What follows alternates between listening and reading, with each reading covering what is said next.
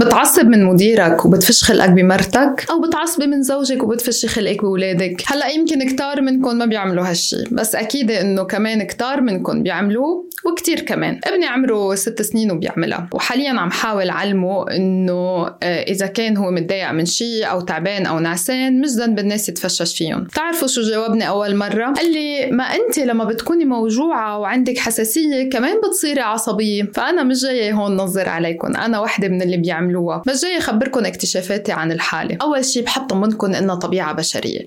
الإنسان بحب ينفس ضغوطاته. ممكن نكون مزعوجين من اليسار. بس لما يكون أصعب علينا نحل مشكلتنا مع اليسار منكب غضبنا على اليمين. يعني بعبارة أبسط الفرعون اللي فينا كلنا بيتفشش على المجموعة اللي بتخليه يتفرعن عليها. يعني بالمبدأ طلعنا كلنا فراعنة حتى الفينيقية اللي بيناتنا. بس اليوم مش جاي أحكيكم عن الفراعنة. جاي أحكي عن الإنسان المقهور.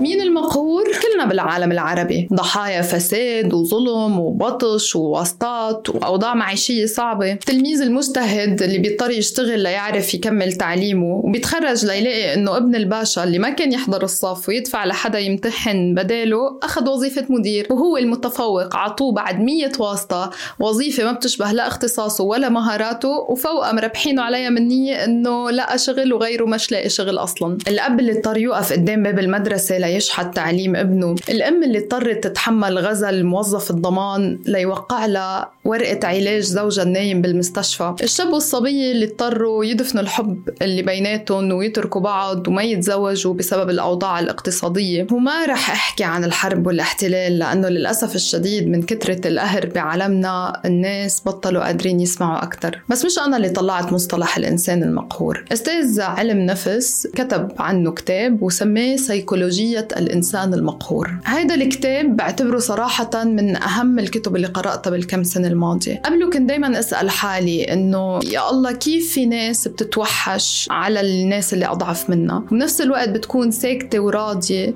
بكل شيء عم تنجبر تعيشه من أوضاع صعبة. كيف في رجال بتقتل نسوانها آه، قتلا يعني للموت؟ وبنفس الوقت بيكون راسها مطقطق.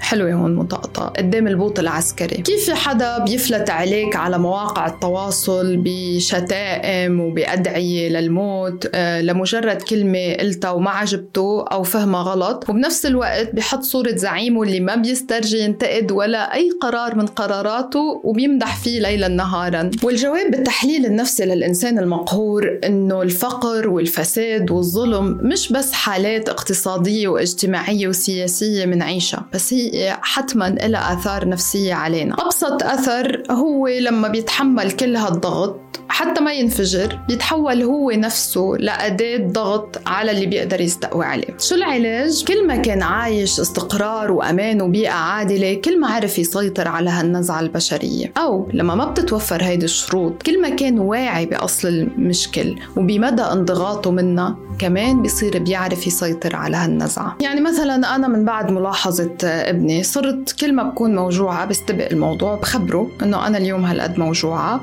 فإذا شفت مني أي رد فعل شايفه مبالغ فيه يا ريت تنبهني حتى راجع نفسي وأعتذر. بمجرد إني أنا أقول له هيدا الشيء صرت مني لحالي انتبه إني أصلا ما نرفز النرفزة الزايدة. وبنفس الوقت هو بيصير استيعابي أكثر بس شو ذكرني اليوم بسيكولوجية الإنسان المقهور؟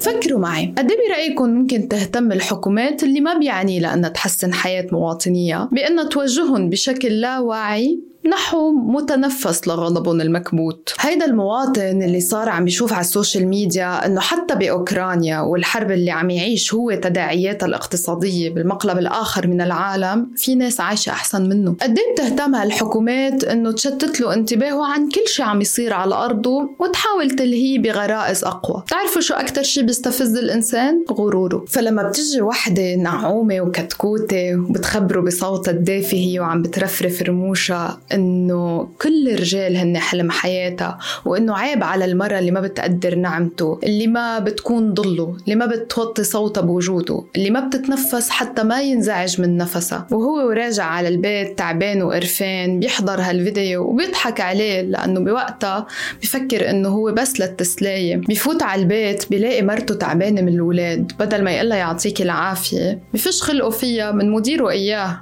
ابن الباشا اللي اجى بواسطة أحسن من واسطته. وبدل ما يحط إيده بإيدها ويفكروا سوا كيف ممكن تتحسن حياة أولادهم وكيف ممكن يوصلوا لمستقبل عادل بينشغل بتنفيس غضبه من إنه هو تعبان برا طول النهار ومحتاج يرجع يلاقي مين يفرفك له إجريه وما يوجع له راسه. من دون ما ينتبه بينسى كل شي برا بيوجع له راسه بتصير فجأة بس مرته وولاده هن وجع الراس. من بعد هالكتاب سيكولوجية الإنسان المقهور حسيت إنه ضروري نستوعب إنه مش كل شي بينحكى هبل وإنه الهبل المقصود أداة أقوى بكتير من الأسلحة الفتاكة. وفهمت إنه عالمنا بحاجة لعبوطة كبيرة وطبطبة. رح يخسروا كتير لو كنا كلنا ألطف مع بعض. منيحة اللطافة الحقيقية مش تبعت الرموش الاصطناعية. جربوها شوي وبشوفكن الأسبوع الجاي.